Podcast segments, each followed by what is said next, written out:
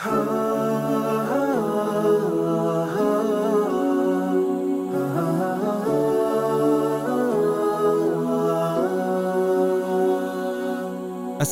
alaikum och hjärtligt välkommen till Koranpodden. Jag heter Sally och detta är Koranpodden. Podcasten som hjälper dig förstå Allahs ord och där vi träffar spännande personer och samtalar med dem om hur Koranens budskap påverkar deras liv. Du lyssnar på säsong 7 och poddavsnitt 204. Alldeles strax ska du få lyssna på mitt samtal tillsammans med Sam Ho. Sam Ho från Malmö levde ett tungt kriminellt liv. Han hamnade i ett stort drogmissbruk och gängkriminalitet. Men Allah räddade honom. I mitt samtal med Sam märks det tydligt hur mycket tron har berört honom och satt spår i hans själ. Mycket vackert och inspirerande. Idag har Sam gett ut en bok om sitt liv och arbetar aktivt med att hjälpa ungdomar lämna ett kriminellt liv. Hans bok heter Gangsterliv, brotten, gänget och livet på gatan. Den sanna historien om Samho. Boken finns att köpa hos de flesta bokhandlare eller låna på biblioteken. Jag är så glad och stolt att jag fick äran att få samtala med och lära känna denna fina bror. Men innan du strax ska få lyssna på samtalet så vill jag snabbt passa på och tipsa dig om att du kan gå vår kostnadsfria distanskurs om Koranen. Kursen heter Din väg till Koranen. Din väg till Koranen är kursen som ger dig de rätta kunskaper och praktiska redskap för att bättre kunna närma dig och få en djupare förståelse för Koranen och dess budskap. Kursen hittar du enkelt på vår hemsida koranpodden.se. Okej, nog med försnack. Nu ska du få lyssna på mitt samtal med Sam Ho, brodern som Allah räddade ur ett tungt kriminellt liv och gav honom en andra chans.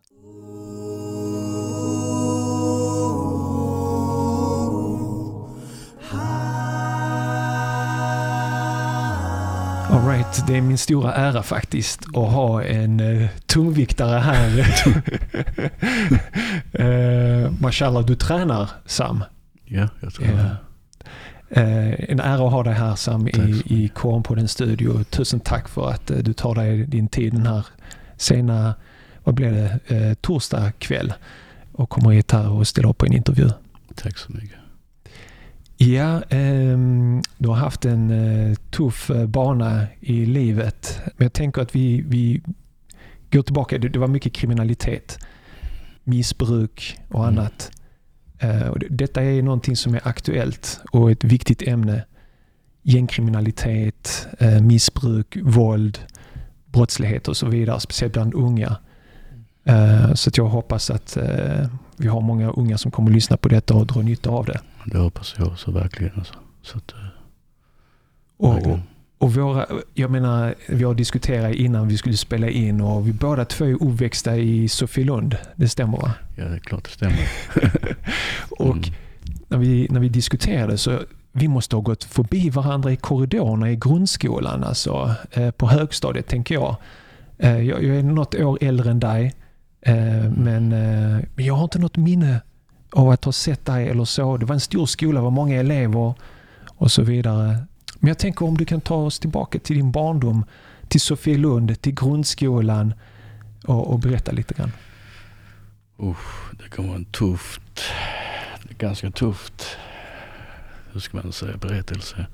Eftersom att äh, min barndom har inte varit som det, som det har varit egentligen. Som det vanliga om man säger så. Vet. Äh, det har varit mycket, hur ska man säga, misär, bråk. Alltså, ja, man har inte varit lycklig, lycklig om man säger så, min barndom. Uh, eh, min familj, alltså framförallt min pappa har inte varit så snäll eller om man säger så. Han, uh, han uh, jag har varit spelmissbrukare.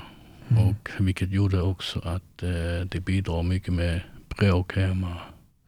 Sett jättemycket när de bråkar. Eh, Jag kommer ihåg en gång min pappa kom hem. Han bara vände upp och ner på hela lägenheten för att leta efter pengar. Just för att han ville spela med. Så att de perioderna eh, gjorde att jag stängde av känslorna faktiskt. Mm. Och eh, ja, alltså det, det är tungt när jag berättar det faktiskt. Jag tänker tillbaka just för att eh, jag fortfarande, alltså det känns fortfarande när jag berättar det just att eh, det är en tung period jag levde när jag var barn. Jag, jag, jag, tänker liksom att hemmet ska vara din trygga tillvaro i livet. Mm.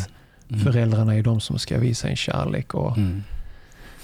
När man har en förälder som har hamnat i det missbruket kommer hem och liksom, jag, jag, kan tänka mig att man förlorar en hel del pengar och man vinner kanske. Men man förlorar också och det, det skapar frustration. Och... Det skapar mycket frustration. Framförallt många gånger så åt vi bara ris med vatten. Man kokar vatten med ris bara. Och, alltså jag, kommer, alltså jag har sådana minnesbilder. Det, så framförallt också eh, vissa morgon när min mamma försöker ge oss frukost och det fanns ingen mat. Det, fan, då kokar hon bara vatten och klickar två ägg på, på kastrullen. Så alla fem barn får dela på det. Fem barn också? Fem barn. Så att, eh, nej, det är en tuff period. Tuff period. Alhamdulillah. Jag sitter här idag så det är, och sitter här på Koranpodden och får berätta de här sakerna. Sen tror jag också att många, många känner igen sig också. Mm. Faktiskt. Eh, jag tror faktiskt att det är jättemånga som känner igen sig i, i detta läget. Så du, du har den situationen hemma. Mm. Du stänger av känslorna. Du kommer till skolan, Sofielund. Mm. Berätta. För jag, när, när jag tänker tillbaka Sam, yeah. till min ungdomstid och så vidare. Alltså grundskolan var min lyckligaste period och tid. Att gå i Sofielundsskolan, hänga med kompisarna från liksom, mm. lågstadiet ända upp till högstadiet. Jag gick liksom från ettan till nian i Sofielundsskolan. Och jag har fantastiska minnen av vänner och så vidare. Eh, men jag, jag, vet också att i Sofielund så fanns det också unga som hamnade snett. Liksom. Ja, det fanns det. Mm. Eh, där kan jag hålla med dig. Alltså, Sofielundtiden, jag hade också bra minne. Eh, självklart i skolan, men sen eh, vad det skedde i hemmet det är helt annan sak om man säger så.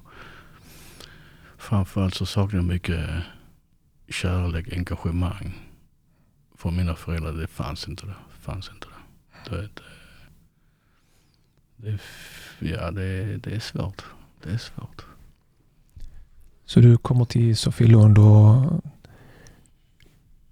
vilka kompisar umgås du med? Jag tänker den banan som du hamnar sen i kriminaliteten. Är det, är det där man kan se fröet? Ja, alltså jag var väldigt, väldigt skötsam i lågstadiet till mellanstadiet. Det var jag. Jag kommer en gång en lärare sa till mig så du kan bli vad som helst. Så smart är du faktiskt. En mattelärare sa till mig. Eh, men det blev inte som det blev. Men eh, idag sitter jag här. För. du har gjort en fantastisk resa. Ja.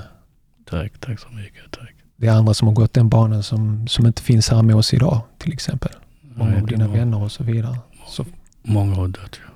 Många har gått bort. Så det, det är en tuff liv att leva på gatan. Alltså leva på det livet. Var, var går det snett då? När du går i alltså det, Allting började när jag, var, när jag gick i högstadiet. Det var då allting började. Och eh, jag vet inte, jag sökte mig till någon slags tillhörighet kan man säga. Just för att eh, där hemmet hade ingen tillhörighet. Det var bara missa frustration. Alltså, jag mådde dåligt. Och eh, jag sökte mig till en tillhörighet vilket ledde att eh, det blev så fel. Så fel alltså. Vilka var det du umgicks med? Liksom, vilka var ja, Jag umgicks med de tuffa killarna kan man säga i skolan. Ja. Så att, eh, det var en, en, en, en speciell klick där, om man säger så, i skolan.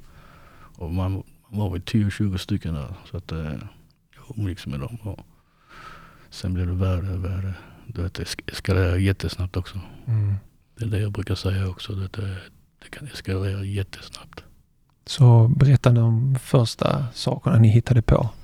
Som kanske inte var så farligt men som sen ledde till Alltså första saken, det, jag, det var snatteri från första början. Alltså det, oftast började det så med de flesta faktiskt. De flesta ungdomar, de här För idag jag jobbar med många ungdomar och unga vuxna. Så att eh, jag ser ju mönstret hur de bygger upp hela, hela livsstilen. Så att eh, nej, eh, jag Vad var, det, vad var det för någonting ni snattade? eh, första gången jag, jag åkte fast jag snattade en, en pingisrack faktiskt på Jägersro. Mm. det kommer jag, det kommer jag med en kompis. Var det för att du ville spela pingis eller ville du tjäna pengar på det? Nej, jag ville spela pingis. Ja. Men jag, jag, jag, jag tänker också liksom, Ja. jag har en viss förståelse för det. För att komma från ett hem där man liksom, du vet, kokar vatten och ris och knappt har någonting. Mm. Och sen ser kompisarna spela pingis och man liksom vill Exakt. göra detta och föräldrarna kan inte köpa det. Då, då hittar man alternativa vägar till det. Mm. Så det var den banan jag började. Och sen kom missbruket in också. Knarket kom in också. Det, jag började röka cannabis när jag var 13 år. Det är också högstött. Och sen eh, ganska snabbt började jag knapra tabletter också. Alltså äta tabletter. Benzo, benzotabletter och sådana grejer. Mm. Vad är det för någonting? Du får berätta för mig. Alltså, jag är helt benzo- off när det kommer till sånt. Oh, benzotabletter är ju avslappnande medicin. Mm. muskelavslappnande och eh, det är ganska kraftiga eh, tabletter. Alltså man, man, blir, man blir väck alltså när man tar dem. Mm. Man blir väck. Så att eh, ja, det är inte roliga tabletter om man säger så. Vad var det som gjorde att du började från snatteri till missbruk?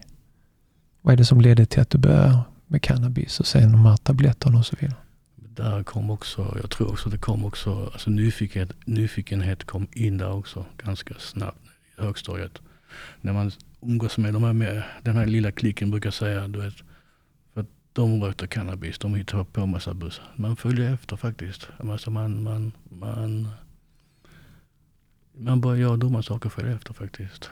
Och eh, för min del så eskalerade det snabbt faktiskt. Så jag, jag kommer ihåg när man gick i Sofielund, du vet, de hade Mm. till och med polisen som kom dit. Jag har Ja. minnesbild av detta. Polisen gör inte detta längre. Men back in the days, Mm. typ så 90-80-talet, så kom han, jag har stark minnesbild av detta, han kom med en sån stor träportfölj Mm. med glas. Och så, så var det liksom så här små eh, eh, fickor eller liksom så här i den här portföljen man kunde se genom glaset. Så var det cannabis, hasch och så man kunde titta på knarket liksom. Mhm. Och sen bara, ja, så här ser det ut och det, det här är inte bara att man använder. Sånt gör man inte idag. Liksom polisen går till skolor Mm. och visar upp det så. Men det var mycket så ändå från skolans sida. Du vet, så här, hålla borta från knark och droger och så vidare. Men det bet inte på dig. Du testade ändå. Jag testade, alltså jag testade värre saker sen också för, längre fram. Vid är det, 16 års ålder så provade jag amfetamin också. Så att, eh, Det är allvarliga. Alltså, du vet, så, hur, hur kunde det eskalera så snabbt och så ung? Bara 16 år. ja det broder. Jag, eh, inte ens jag vet själv alltså egentligen varför det eskalerade så snabbt. Men eh, ja det, det blev värre sen också. Så till slut så blev jag eh, sprutnarkoman. Mm. Sprutnarkoman. För det är ändå ett stort steg från att röka till att gå över till sprutor. Vad var Mm. dina tankar när du... Alltså mina tankar, jag tänkte inte så mycket på den tiden egentligen. Jag, jag, jag var nästan väck varje dag. Jag tog ju droger konstant. Jag blandade vad som helst. Alltså, vet, jag, med amfetaminet, alltså jag, alltså jag tog så mycket vet, den tiden. Det är helt sjukt. Alltså, helt sjukt. Att jag lever idag, sitter här idag och kunna berätta den här historien till alla. Så att, eh, jag hoppas att verkligen de som lyssnar, att de tar nytta av det. Det Mm. är jätteviktigt för mig. Så är det kompisarna, umgänget som får dig att, att testa på de här sakerna? Är det det som... Det- Nej, jag tror inte man kan säga på det sättet att det är umgängen som får mig att testa. Alltså det, Mm. I slutändan har man ett val, brukar jag säga. Det har man ett val i slutändan. Men samtidigt så, ja, det är svårt. Den frågan är jättesvårt. Men jag tror också att eh, just den tiden så, så, så kompistrycket, ja en viss del kanske, en viss del. Men i slutändan det, det är ändå ditt val när du, när du stoppar in i droger eller stoppar in i vissa preparat. Tycker jag i alla fall. Så Mm. eh, men eh, man har ju inte så mycket kunskap inom, eh, ja, droger den tiden heller. Mm. I den åldern, du vet. Alltså man visste inte vad amfetamin var Mm. till exempel. Och eh, man vet bara det, det, det uppåt, uppåtkäka, man blir pigg av det. Så, men mer vet man inte, man visste inte mer just. Så, att, eh, så jag tycker det är jätteviktigt att kunna ge kunskap till de yngre och förstå olika preparat. Det är jätteviktigt också. När du tänker tillbaka till den tiden, Ja. varför, vad, vad tror du var anledningen till att du började använda droger? Alltså jag, jag tror att eh, jag mådde inte bra i själen. Alltså. Jag mådde inte bra i mig själv. Så är drogerna Det- ett sätt att liksom dämpa den smärtan kanske? En viss del, en viss del absolut. En viss del alltså det, det ja, en viss del.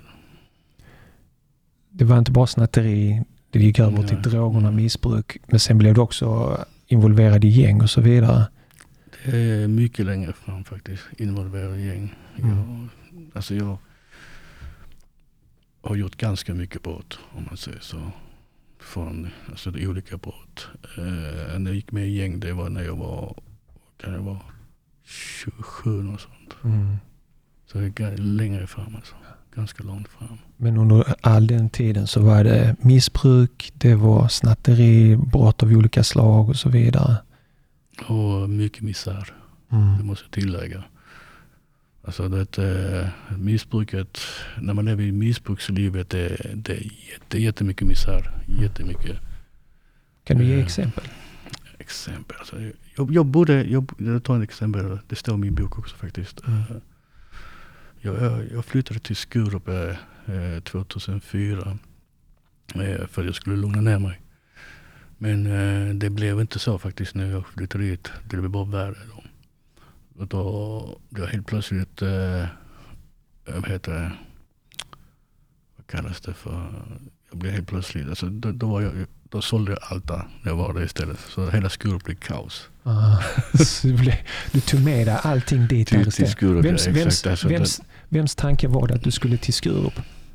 Och lämna Malmö? Nej, jag träffade en tjej som Okej. bodde där. Vet. Så jag tänkte Mm. att jag flyttar ut där så jag kan ordna upp mitt liv och så. Men det blev inte, det blev inte så. Mm. Och det är den här biten som är jättesvårt. Att förändringen, den är, förändringen är, den är jätteintressant faktiskt. Ville du hela tiden ta dig ur det liksom? Ja, Mm. ja. Sen jag var 20 och 22 ville jag hela tiden ta mig ur. Men jag visste inte hur jag skulle ta mig ur. Alltså det, det var det som var problemet. Jag, jag, jag kunde inte systemet. Eh, man var så fientlig mot myndigheter. Du vet. Man vill inte be om hjälp. Alltså det, alltid, alltså man visste inte hur man gjorde. Man visste inte. Det, det, var, det var det som var problemet. Så du kommer till Skurup och det blir kaos i Skurup för du Mm. säljer allting. Vad, vad gör du sen efter det då? Sen efter det jag torskade för ett, ett långt fängelsestraff 2007. Okej. Fick eh, tre och ett halvt år fängelse. Eh, satt tre och ett halvt år till 2010. Och där kom jag ut, kommer jag ihåg. Får jag fråga vad det var som hände så du hamnade i fängelse? Eh, rån, satt för rån. Mm. Så kom ut där sen. Eh, det var det fängelsestraffet som gjorde att jag gick med i ett gäng in i fängelse. Oh my god. Så det är det som folk också har pratat om. Liksom att vissa går in i fängelset och blir ännu tyngre kriminella när de kommer ut. Ja, så det, jag, jag brukar säga fängelse, det, det, det är förvaring bara om man säger så. Det är verkligen förvaring. Det är inte någon vård, alltså man får inte... Nej. Nej. Nej, nej, absolut inte. Alltså. Vilket gäng hamnar du i då? Först eh, hamnade jag i fängelse med eh, jugoslaviska maffian. Mm. Jugoslaviska maffian hamnade jag.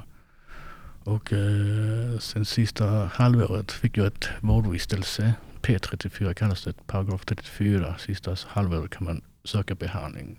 Så att de skickade mig till behandlingshem i Malmö. Och eh, där gick jag över till, eh, när jag kom till Malmö behandlingshem och där i behandlingshem gick jag över till, eh, till ett gäng som eh, kallades för Original Gangsters, Jocke. Mm. Vad var det som gjorde att du drogs in i det gänget? Original Gangsters? Alltså, som jag sa innan, det är tillhörighet. Mm. mycket det också. Mycket det också tror jag faktiskt. Och det, på den tiden jag jag var kaos. Alltså. Jag, jag hade inga känslor alls. Alltså. Jag har stängt av alla känslor typ. Så att, eh, Du kunde, jag körde all in om man säger Mm. så. du kunde begå vilka brott som helst utan att känna skuldkänslor eller allt det där var avstängt. Ja, avstängt. avstängt. Berätta om, berätta om eh, gänglivet, Original Gangsters. Du började där. Då, vad fick du för roll när du kom in i, i det gänget? Så jag fick för roll. Jag kom in i 15-7 först. 15-7 var underklubben till uh, OG. Det, Mm. Sen ganska snabbt så, eh, så blev jag fullvärd, fullvärd medlem. Eh, på grund av min, ska man säga, ska man säga, min, eh, jag var väldigt, väldigt våldsam och, uh, och uh, vad ska man säga, jag klarade mina uppdraget hela tiden om man säger så. Vad var det för olika uppdrag du fick? Nu går det riktigt djupt. Uff. Som jag brukar säga, att jag, jag har skadat jättemånga människor. Och, eh, är det, är det, är det utpressningar och liksom, eller är det för att folk ska betala? jag, jag gjorde mycket utpressningar. Mm. Gjorde mycket utpressningar. Och eh, i samband med utpressningar så skadade man människor också. Och eh, fortfarande har jag ångest över det. Så det men jag tror jag måste, alltså man, måste, man måste ändå leva med det på något sätt. och Mm. bearbeta, bearbeta på rätt sätt. Alltså. Men eh, den här ångesten kommer man nog aldrig kunna få bort. Alltså. För du har de minnesbilderna av utpressningar av människor som Ja, befinner sig i en väldigt svår Absolut. situation. Absolut. Mm. Absolut. Så att uh, alhamdulillah sitter här idag.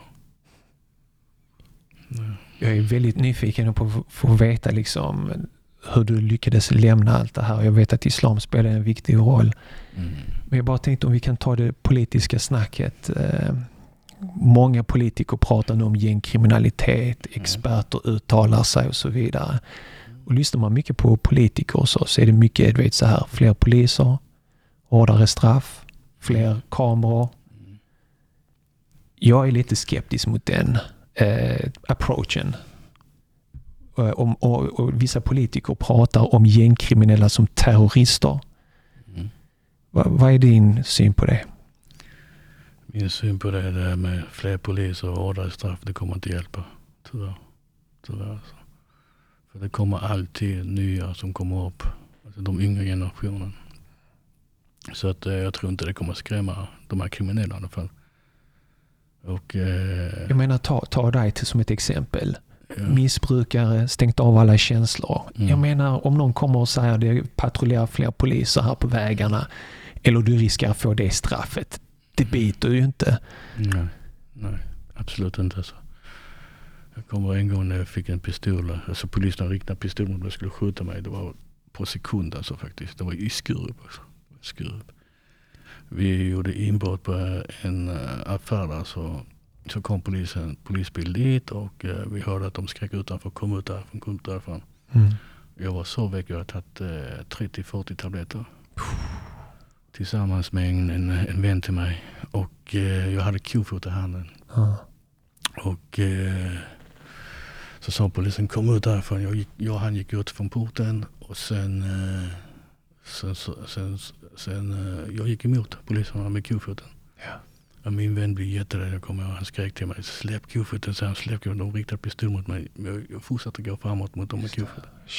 Precis så fick min vän, han hoppade, tog min kofot Mm. Och slet ur den på min hand. Och eh, då, då sänkte pistolerna sen från poliserna. Du vet. Så att eh, jag var väldigt destruktiv, väldigt våldsam alltså, den tiden. Mm. Så att, eh, men samtidigt så tror jag också att det, det är också drogerna. Som alltså jag, jag var ju på den hela tiden, nästan varje dag. Ja, man tänker inte Nej, nej, straight man, liksom. Man, man är inte sig själv. Alltså, Ja. Man är inte sig själv. Idag sitter jag här i Koranpodden. Jag är mig själv kan man Mm. säga. Va? Och det är första gången jag kan känna lycka. Alltså, är man kriminell eller missbrukare. Jag tror ingen, ingen är lycklig när man, när man är i den banorna. Mm. Tror jag inte alltså. Ska vi gå in på the turnaround, liksom hur du lyckades lämna det här eller är det andra detaljer eller information som du vill berätta om ditt tidigare liv i kriminaliteten? Det finns hur mycket som helst att berätta. Det är många år som, som, du, som du spenderar i det livet. Jag Liksom. brukar säga till folk att det är nästan 20 år utanförskap. Mm. 20 år utanförskap. Och sen helt plötsligt så känner man sig att man är en del av samhället. Det var det som gjorde också min förändring ganska mycket. Mm. Helt plötsligt så fick jag ett jobb. Eh, städjobb 2012, min sista straff när jag kom ut från fängelse. Jag, jag bara Eh, tänker, förlåt innan du berättar om städjobbet. Mm, mm, I gängkriminaliteten, mm. du gjorde feta pengar. Ja. Och, eh, och sen kommer du ut och väljer ett städjobb. Ja. Men, men du berättade om det, jag hörde det i en annan intervju, vilken skillnad det var på att smaka på de pengarna som du själv hade städat och jobbat ihop jämfört med de pengarna som kom från kriminell, kriminell, kriminell verksamhet. Det är självklart eftersom man själv har förändrats ju. Alltså, eh, alltså, om man tänker efter kriminell verksamhet, du vet, de här pengarna, du vet, det, kommer för att, det kommer från det du skadar människor egentligen. Är du med? Samma sak med, med, med, med om man dealar knark eller vad som helst. Du, vet, du skadar fortfarande människor om du säljer knark till människor. Så är det bara. Ja, precis. Så att de pengar som kommer, du, vet, du har skadat människor för att de här pengarna ska komma till dig. Är du med?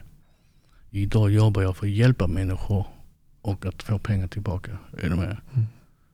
Så att det är jättestor skillnad. Stor skillnad. Alltså.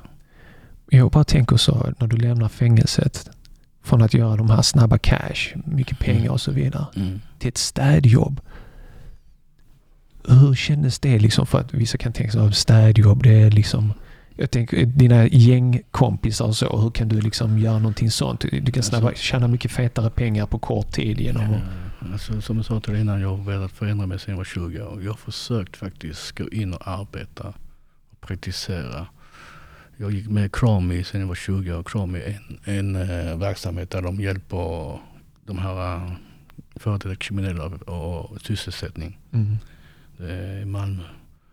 Och eh, jag har försökt gång på gång faktiskt.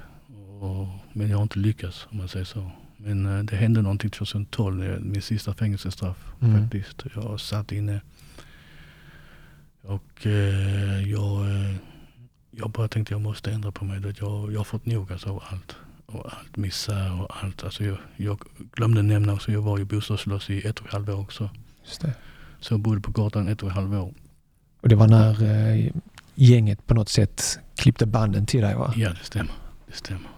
Du kom ganska högt upp och sen så precis när du skulle vidare i pyramiden högre upp så, Mm. så, så klipper de banden med dig. Mm.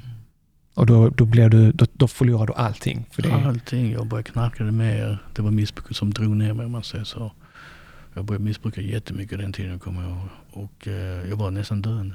Nästan och döende. du var hemlös. Du, du bodde Hemlös. i, på trappuppgångar och så vidare. Ja, offentliga toaletter och eh, källare. Alltså, jag kommer ihåg hur jag gick runt där överallt i Malmö. Överallt alltså. Du berättade för mig om någon person som såg dig i trappen och som gjorde en god gärning. Ja, Vill du berätta det? Det var en väldigt fin berättelse. ja, det var i Simrishamnsgatan på Möllevången. Eh, jag låg i källaren. Jag kommer ihåg jag bröt upp källardörren så jag låg i källaren. Och det var på natten också, ett på natten. Så kom det en äldre gubbe ner. Och när han såg på mig så... Så... Eh, alltså jag vet inte. Jag sa att han blev ledsen i ögonen om man säger så. va. så och eh, han... Eh, sen gav han mig en, en, en 100 kronor. Eh, jag ville inte ta emot det först. Men han bara ta den, ta den. Det behöver mat och så, sa han till mig. Jag tog emot hundra, hundringen och eh, det första jag gjorde det var att jag gick och köpte droger. Ja. Så att eh, jag vill fortfarande hitta den här mannen. Alltså. Mm. Jag tackar. För vi har för lite av det där känner jag i samhället idag. Det är för mycket du vet, så hård, större straff och så. Det finns inte någon kärlek. Omtänksamhet för att människor som lever den livsstilen kanske vill komma ur det liksom. Mm. Men ingen som visar kärlek och omtänksamhet utan folk bara spottar och du är så jäkla terrorister och så vidare. Tyvärr är det så. Många gånger så blir vi stämplade. Många gånger. Mm.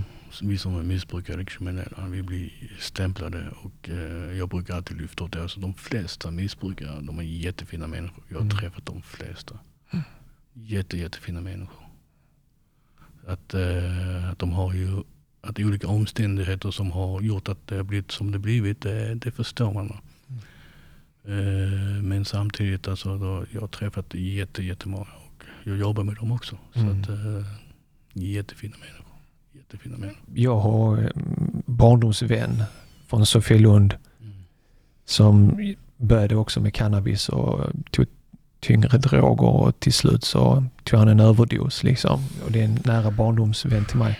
Beklagar, beklagar. Och du har säkert många fler i, i din vänskapskrets som gick bort på grund av droger. Men jag menar, han var en sån fantastisk barndomsvän. Vet, vi hade så mycket roligt tillsammans. Mm. Jätteintelligent kille också. Ehm, det är så sorgligt att se liksom när drogerna tog över och, och att han så ung liksom gick bort med, med, med det här. Jättetråkigt. Jag Så- beklagar verkligen, beklagar verkligen. Alltså det, det är hemskt när sådana grejer händer faktiskt. Så berätta för mig när eh, du var från fängelset, du lämnar och tar det här städjobbet. Det är det sista eh, fängelsestraffet som får dig, du vill lämna, du orkar inte med det här misären. Vad händer när du kommer ut? Vad hände när jag kom? Jag kom ut och sen eh, träffade jag en tjej och vi flyttade ganska snabbt ihop faktiskt. Och eh, där, har jag, där, där har jag en stabil punkt att utgå. ju. Annars ska jag inte vandra runt i gatorna och tro att jag ska sluta knarka och sluta med kriminalitet. Det är omöjligt alltså. Men när jag flyttade in där så ganska snabbt så fick jag ett städjobb. Mm. Och när jag fick det jobbet, jag tänkte alltså jag, jag, jag tar det direkt. Alltså. För jag vet att min bakgrund, jag kan inte få något annat jobb. Jag har ingen utbildning, ingenting. Alltså. Jag tänker tjejen som du, som du träffar, eh, hon måste ha sett det goda i dig. Jag menar, du kommer ut ur fängelset och Ja, något, något go i mig måste det finnas jag tror jag. Så att, mashallah. tack, tack. Så det var något go i mig också. Men eh, som sagt så, så eh, ja, jag tog det jobbet och eh, jag gav det en chans. Det var inte kul jag, om jag ska. Jag, vi Och- åkte runt och ställde toaletterna och... Toaletterna till och med. Ja, För vi har en gemensam vän eh, som har stor respekt för dig. Jaså? Eh, och han sa till mig liksom att Sam H är original. Liksom att han, han, eh, han ändrar på sitt liv så Mm. började han med att städa toaletter. Liksom. Mm. Så det, det är inte som kanske andra som tar en shortcut och du vet eh, blir kändis och inte, men du verkligen när du ändrar så börjar du liksom Från botten. från alltså. botten. Ja. Från botten, från botten. Ja, det är, man blir ju, man blir ju rörd alltså, man tänker faktiskt. Alltså. Hur Mm. min resa har varit. Hur min resa har varit. Alltså, det, Så du Mm. börjar eh, tvätta, göra rent toaletterna. Var kommer islam in i bilden? det kom senare faktiskt. Det kom senare faktiskt. För eh, efter jag stä- städat två år så började jag jobba på ett eh, företag som heter Mikael Mikael Mm. öppenvård. Det var då jag kom in i behandling och, och, och öppenvården. Det var via dem, alltså via det steget jag, jag tog. Och, eh, sen har jag bara fortsatt att jobba med behandling och, och, och öppenvård. Berätta, vad, vad gör man då? Hur ser en dag ut?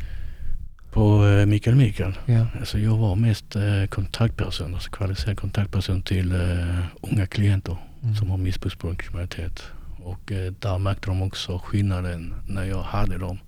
När jag eh, jobbade med dem så hade jag en större effekt än de andra kan man säga. Just för att eh, jag, jag förstår dem. Jag förstår dem Mm. plus att eh, de kan relatera sig till mig också. Och de, är, de öppnar sig ganska snabbt när jag jobbar med dem. Och eh, jag brukar alltid få ganska bra resultat. Kan du berätta lite grann om hur du jobbar med de här ungdomarna? Vad är det för någonting du värdesätter i dina kontakter? Vad är Alltså det för det, det, det, är Vad är din approach? Liksom? Det är svårt att berätta exakt, exakt men för att all, alla ungdomar är olika. Är du med? Man, Mm. jag brukar säga att man måste ha här fingertoppskänsla. Det är jätte, jätteviktigt för att använder samma uttryck med en eh, lärarkandidat. Han ska bli lärare så jag mm, coachar honom. mm, Och jag sa det där, exakt samma ord som du säger. mm, Med eleverna, det handlar om att ha fingertoppskänsla exakt. i relationen. Liksom. Mm, det, det är svårt att lära ut utan det är något Ja. man... Man har det i sig. Exakt. Ja, ja. Det är det jag brukar säga med fingertoppskänsla. Så kan du inte nå fram till, till, till denna klientel Mm. så kan du inte hjälpa dem tyvärr. Du måste nå fram till dem först. Och det här relationbyggande, det här eh, eh, framförhållningen, tilliten. Alltså det är jätteviktigt att bygga upp det på ett rätt sätt gentemot den här, de här klienterna. För att det, de är jättekänsliga. Mm. Jättekänsliga. Eftersom de har ju levt ett liv där inte kärlek fanns till exempel. Eller, ja, det kan vara olika faktorer. Är det det som är den röda tråden? Avsaknaden av kärlek? Många tror det. Många. Många. Många som kommer från en socioekonomiska sam- om, område så tror jag det, det, det är mycket vanligare. Mm. Mycket, mycket vanligare. Jag hör att min röst är jätte, jättehes idag alltså. Så du, det är det du jobbar med idag? Mycket och, och ha samtal med ungdomar och så vidare? Samtal, har samtal, jättemycket, jättemycket samtal. Alltså, jag tycker samtal är, är en ver- verkt, verk, verkligen ett verktyg som kan, som kan få en effekt. Om man har, det, om man har ett samtal, om man har en rätt samtal om man säger så. För många gånger när jag jobbar med de här, den här klientel så säger de varför ska jag lyssna på de här socialtjänsten eller du vet, alla de här myndigheterna de säger. Och eh, det kan jag tänka tillbaka till mig själv. Jag var samma sak. Jag lyssnade inte på dem. Nej. Inte alls. Det är inte konstigt när man är 13-14 år och man bygger upp en barriär redan vid den åldern. Du vet, när, alla, när man var ungdom, alltså, åh, de är skit och de vill bara göra en illa. Du vet, man stänger av redan Ja. i tidig ålder du vet, gentemot eh, eh, polis och kriminalvården, socialtjänst, alla, alla myndigheter som sagt. De blir fiender. Ja, Ja. så hur lätt är det sen att öppna den, öppna den här dörren? Det är jättesvårt. Ja. Då måste du gå med en person som, som de kan lita på egentligen. Ja. Och det, det är svårt för dem att prata öppenhjärtligt med myndighetspersoner Mm. jämfört med någon som har gått igenom liknande saker som de själva har gjort. Jag tror det blir mycket lättare att ha ett öppenhjärtligt samtal. Men det måste vara många samtal. Jag menar, man kan inte bara ha fem minuters samtal, sen är Nej. det löst. Liksom, utan man måste återkommande. Var får du ditt tålamod och din energi att kunna ha de här samtalen med de här unga som inte ändrar på sitt liv över en natt? Alltså det, det, har- detta har jag lyft upp ganska många gånger. Att jag är så trött. Så är trött. Det tar inte fysiskt men, Nej. men eh, psykiskt tar det jättemycket faktiskt. Ja. Men samtidigt, jag, jag kommer aldrig ge upp den målgruppen. Jag kommer alltid, alltid kämpa för den målgruppen. Så är Mm. det. For, idag när jag sitter här, jag kämpar fortfarande med den målgruppen. Jag håller på att starta en verksamhet där jag, har, vi ska hjälpa dem med sysselsättning. Och eh, det kan vi ta, ta i avsnitt två. Ja. När vi ska gå in mer på din bok, eh, Mm. för du har skrivit en bok tillsammans med en journalist Mm. eh, som du har signerat idag. Och eh, inshallah lite längre fram när jag har läst klart boken så ska vi träffas igen och diskutera lite grann. Va? Har du inte läst boken än? Och jag har en sån hög med böcker hemma. Mm. Men jag lovar jag ska skicka upp den högre upp i listan. Eh, Men har fått fina recensioner och du har varit på tv och i, i olika intervjuer och samtal och så vidare. Och eh, åter, återigen ett viktigt bidrag till att försöka lösa den här situationen. Att, eh, ha den här boken. Har du, har du lyckats nå till någon ung som har ändrat på sitt liv och lyckats lämna det? Eller är de, har de en fot i gängkriminaliteten och en... Om jag lyckas? Ja det har jag. Jag har många exemplar faktiskt. Många. Så att eh, absolut. Jag håller på att starta också en egen podd. Mm. Där, där kommer jag också intervjua de här unga killarna som har förändrat sitt liv faktiskt. Fantastiskt. Att eh, Tycker du samhället eh, investerar i de här öppenvården och satsar på det här? Ser, ser samhället värdet i detta eller är samhället mer intresserad av att satsa pengarna på fler poliser? Vad känner du? Finns det Mm. tillräckligt mycket resurser? Det finns resurser. Mm. Jag känner att det finns resurser. Absolut alltså. Det finns. Det finns. Utmaningen är Mm. kanske att nå dem eller Ja. skapa den connection. Alltså, och där, där är det inte... Det är nog den största utmaningen. Det är att Ja. Alltså. Når man fram till dem, det lovar det. Så de här, de här killarna och tjejerna är fantastiska. Fantastiska. Och det finns hjälp från samhällets sida liksom, om de vill komma ur Absolut. med liksom, utbildning, jobb. Absolut, Så det- absolut, absolut. Absolut, alltså det här med utbildning och så. Det, alltså den, här- den här målgruppen är väldigt speciell brukar jag alltid säga. Du vet. Alltså man måste jobba med dem på ett lite annorlunda sätt. Och eh, jag, vill, jag vill ta detta i, i avsnitt två faktiskt. Mm. När jag presenterar den här verksamheten. Hur vi hjälper den här målgruppen. Alltså Mm. det är jätteintressant. jätteintressant. Vi sparar det till det. Tillbaka till islam, till Yes. tron. Det var, det Yes. var kopplat till uh, sista vistelsen i fängelset, Ja. städjobbet. Det var den här tjejen jag träffade, jag flyttade ihop och eh, det var en ganska sorglig berättelse om man säger så. Eh, hon var muslim Mm. och eh, jag var inte muslim. Och, eh, och, Ni har ju lite olika bakgrunder också. Det är lite nyfiken. För du har, dina, dina föräldrar har sina rötter i Vietnam. Vietnam. Vietnam ja. Och hon har sina hon, rötter eh, Hon var libanes. libanes. Så att, eh, Detta är den fantastiska mixen av Malmö. ja exakt. Jag, jag diggar det här med liksom olika Ja. kulturmöten. Det är verkligen fantastiskt. Hon var en fantastisk kvinna också. Hon var. Men eh, ja, det var så att, eh, hennes föräldrar var, tog avstånd från henne. Ja, hon blev tillsammans med mig. Mm. Och jag såg att hon mådde dåligt hela tiden. Hon låg i sängen jättemycket. Hon mådde så dåligt hela tiden. Jag tänkte okej, okej jag ska, jag ska konvertera mig till islam. Och eh, då kommer hennes föräldrar kanske ta tillbaka henne så acceptera mig också. Va? Och eh, det var först den första tanken var när jag skulle konvertera mig till islam. Eh, och jag ringde en barndomsvän till mig faktiskt. Jätteduktig på inom, inom islam och så. du vet. Så jag träffade han. Jag träffade han och eh, vi satt och fikade i staden kommer jag. Men jag träffade han flera gånger. Det tog tid innan jag bestämde mig riktigt. Vet. Första gången jag träffade han så satt vi i eh, en café i gågatan och eh, då började vi prata lite grann om, om Gud och eh, eh, vad jag tror på. Och, och så, du vet, jag, sa, jag, jag sa till honom hela tiden, jag tror på någonting. Men jag vet inte vad. Mm. Är du med? Jag vet inte vad. Om det är högre makt eller jag vet inte. Okej, så, så ställer han en fråga till mig. du Vet. Om du tror på någonting, Mm. då måste det finnas någonting. han, du vet. Precis, exakt. Okej, så sa jag, så, vad är det för något? Så, du vet. Om det är högre makt vad som är det. Han sa, det kanske är Gud. Mm. Och eh, efter det väcktes någonting i mig, du vet. Eh, sen efter det här mötet, jag gick hem och jag började tänka mer och mer, alltså Gud, Gud. Eh, finns det verkligen Gud? Alltså, du vet, jag började söka, då började, då började jag söka på Google, jag började söka, jag började läsa om Islam och så. Och, eh, och, det, och det bara kändes så rätt när jag började läsa om Islam. Eh, sen skulle jag möta på, en gång till och träffa en gång till den här killen. Ja.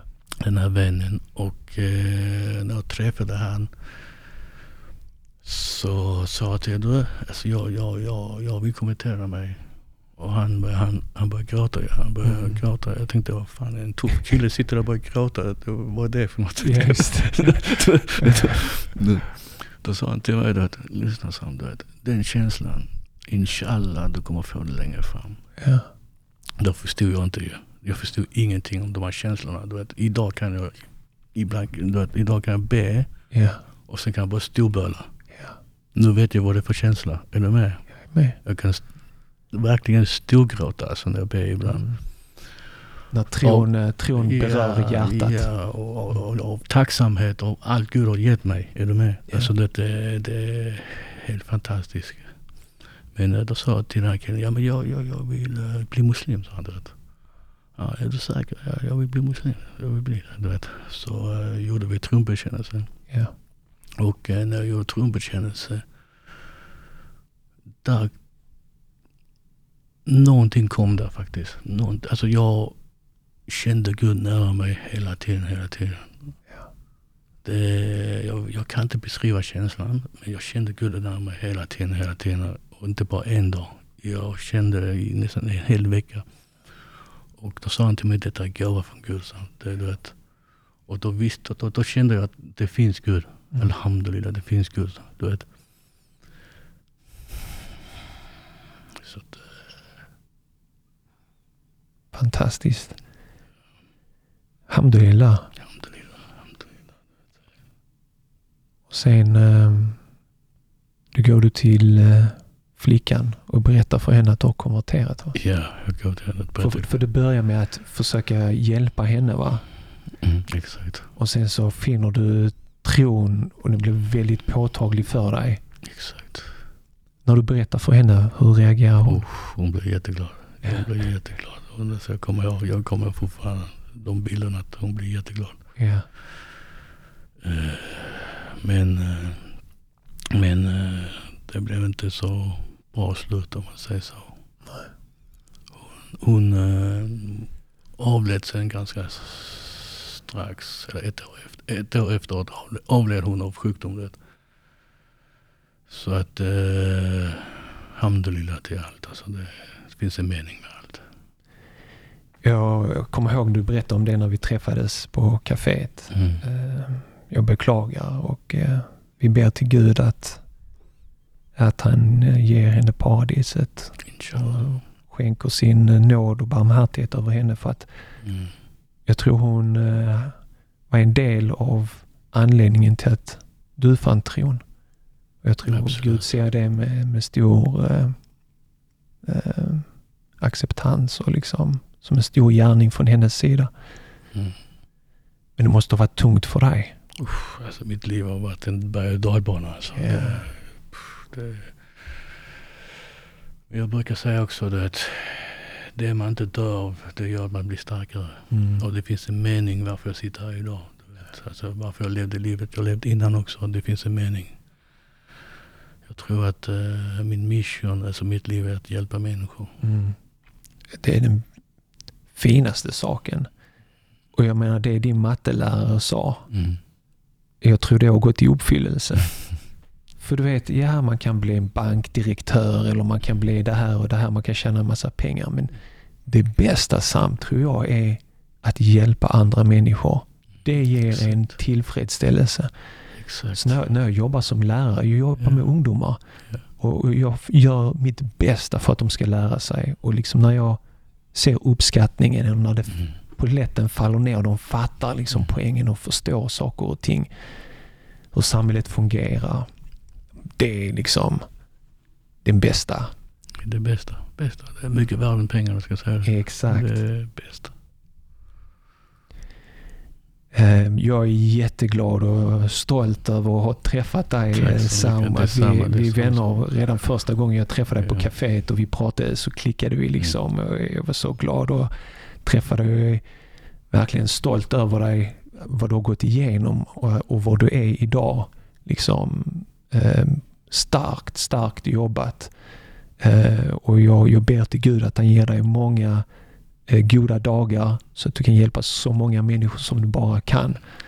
Och jag ser verkligen fram emot att ha dig på podden igen för att diskutera boken som jag, som jag ser fram emot att läsa och jag hoppas också att många av våra lyssnare eh, kan läsa och rekommendera till goda vänner och så vidare. För att jag, jag vet att där är många med muslimsk bakgrund Mm. som, som har dragits in i de här gängen och vi ser det av att när det sker skjutningar så blir begravningarna i moskéerna. Så eh, det, det är en utmaning som vi har i vår umma också. Mm. Och, och jag, jag hoppas verkligen att muslimska ungdomsföreningar, moskéer, jag vet att moskén i Malmö, Waqf har bjudit in där, där du träffade, men jag, jag hoppas att muslimska civilsamhället, föreningar, moskéer och så vidare bjuder in dig i, i större grad Mm. så att du kan träffa ungdomarna, att du kan berätta din berättelse. För jag tror det är, det är en viktig bit för att hjälpa de här ungdomarna. Tror jag också. Tror jag också. Alltså, alltså jag, Jag vill bara få ut min budskap. Det, det, vet, jag, tror, jag tror inte jag vet att det kommer hjälpa många. För jag vet att många har liknande situationer också. Det, det är jag övertygad om. Mm. Du vet, jag inte berättat det, så jag brukar få brev från anstalterna, häktet. Att de har läst min bok. Och att de säger att de känner igen sig också, uh, min bakgrund. Så det, Mm. jag vet att det är jättemånga som känner igen sig. Det är, det är fantastiskt. Alltså Mm. med, med, med böcker och med den spridningen som din bok har fått. Så många människor som läser den och förändrar sina liv. Och som väljer att skicka ett brev till den. Men det är många som kanske inte ens skickar utan bara förändrar sitt liv. Exakt. och inte hör av sig ens en gång. Men du vet, jag, nu när du säger anstalten så bara klickade för mig för att Mhm. det var en bror som jobbade som eh, eh, fängelseimam. Mm. Och eh, det var en syster också som jobbade som eh, sån här vårdare, själavårdare på fängelse. Och hon, jag startade en kampanj eh, för att hjälpa bröder som, Mm. som sitter inne. För det var, det var mycket så här, vet, de behöver Koranen, de behöver en bönematta. Så jag gjorde en insamling och vi köpte bönemattor. Så jag åkte upp faktiskt till en anstalt i Göteborg, jag vet inte namnet på den. Träffade den här systern, Mm. fick faktiskt möjlighet att komma in och träffa de bröderna. Och du vet, de var så glada att jag kom. Mm. De hade till och med liksom bakat kakor och annat liksom. Mm. Och de var där inne på grund av olika anledningar. Men om man vill att människor ska förändras så tror jag att man bara kan nå människor med kärlek, acceptans, liksom och ta emot dem. Eh, pekpingar, pekpinnar eller liksom du vet så här hård attityd, se Nej. ner. Det Det, är inte någonting som förändrar människors liv. Mm. Och när vi studerar profeten Muhammeds liv, Ja. över honom var Guds frid, hur han förändrade de här människornas liv i hans närhet. Mm. Det, det var med kärlek, det var med omtänksamhet, det var liksom, Exakt. han var där med dem. Exakt. Inte med den här attityden att man är, ser ner på människor och liksom kallar dem för terrorister. För då, då tror jag att vi är fel ute faktiskt. Mm. Mm. tycker inte om att man kallar människor för terrorister. Speciellt unga som har hamnat i drogmissbruk och så vidare. Och det, vi, vi måste ha poliser. Det är inte så liksom att vi bara ska gå runt och dela ut blommor. Liksom. Det, vi måste upprätthålla lagar och så vidare. Men förändring, det är inte det. Är inte det. Och, och det är det polisen också säger. De, de, I många intervjuer så säger de det är inte bara vi. Utan det är skolorna, det är föreningslivet, det är föräldrarna. Det är där förändringen kommer. Vi är sist ut. Liksom. Vi är där när, när brottet sker och då är det för sent. Mm. Men alla är liksom polisen, polisen, polisen. Jag tycker det är för mycket. Nej, det tycker jag också. Så det, det, jag tror inte det kommer skapa någon effekt alltså. Mm. Det, eh, där sa du någonting också, det här med föräldrarna. Jag tror man ska börja där, barndomen. Ja. Där det, det är där det formas en person. Mm. Det finns en bror, han har startat sådana för, föräldragrupper i moskéer där han träffar föräldrar och diskuterar liksom. Jättebra. Massor med föräldrar som kommer Ja, till moskén och, och är nyfikna och ställer massa intressanta och bra frågor. Så det finns ett engagemang. Det är bara att starta och köra igång det. Jag tror att myndigheter gör en jättebra uppgift men de kan inte göra allting. Vi kan inte Nej. räkna med att de kan göra allting utan vi måste som du till exempel som ställer upp men också moskéer och annat till kyrkor, synagogor, civilsamhället hjälper till så, så tror jag att vi kan göra en stor förändring. Klart. Klart. Sam, det har varit en stort nöje. Tack för att du har delat med dig av de här starka berättelserna. Och eh, vi kommer inshallah definitivt träffas igen. Klart, klart. Absolut. Absolut. Tack så mycket Sally. Tack. Tack själv. Salam alaikum. Alaikum salam. Tack för att du lyssnade på mitt samtal med Sam Ho. Något som jag tar med mig från mitt samtal med Sam är hans ödmjuka inställning men framför allt hans djupa tacksamhet. Han är tacksam till Allah att han har fått en andra chans att göra gott. Många av hans närmsta vänner föll offer för det dödliga gängvåldet och de destruktiva drogerna. Vi har lätt att klaga, tycka att vi inte har det ena eller det andra som andra har och totalt glömma bort att Allah har skänkt dig den största gåvan som finns, en nära relation till honom. att ha Allah i ditt liv, vägledningen. Värdesätt denna gåva genom att visa Allah din tacksamhet. En annan sak som jag tar med mig från samtalet med Sam är att göra gott till andra. Att hjälpa andra är det som ger sann glädje. Att fylla ens ego kommer inte göra oss lyckliga. Men när vi hjälper andra, då känner vi sann glädje. Om du fann samtalet med Samho lika inspirerande som jag gjorde skulle jag uppskatta om du delade samtalet med någon som du känner har hamnat snett i livet. Som kämpar med att ta sig ur ett destruktivt liv. Skicka ett mail eller ett sms med direktlänken till samtalet koranpodden.se 204. Nästa vecka är jag tillbaks med en ny serie på Koranpodden. Tillsammans med Salim kommer vi studera närmare Sura al-Alaq, grodden på svenska, eller Koranens 96 sura. Det blir en serie i fyra avsnitt inshallah. Jag älskar dessa serier tillsammans med Salim där vi sätter oss ner och reflekterar över vad Koranen lär oss om meningen och syftet med livet. Det blir djupa samtal med många matnyttiga råd och tips. Efter dessa fyra avsnitt avrundar vi för säsong 7 och tar ett uppehåll, en längre semester innan vi lanserar med säsong 8 inshallah. Här är ett kort utdrag från serien som har premiär nu på måndag inshallah om Sura al-Alaq, grodden. Och det är därför subhanallah man ser vidare att profeten sallallahu alaihi wasallam säger den som läser de skrivna orden nu, Koran, och han stammar och har svårt att läsa och förstå. Han har dubbel belöning.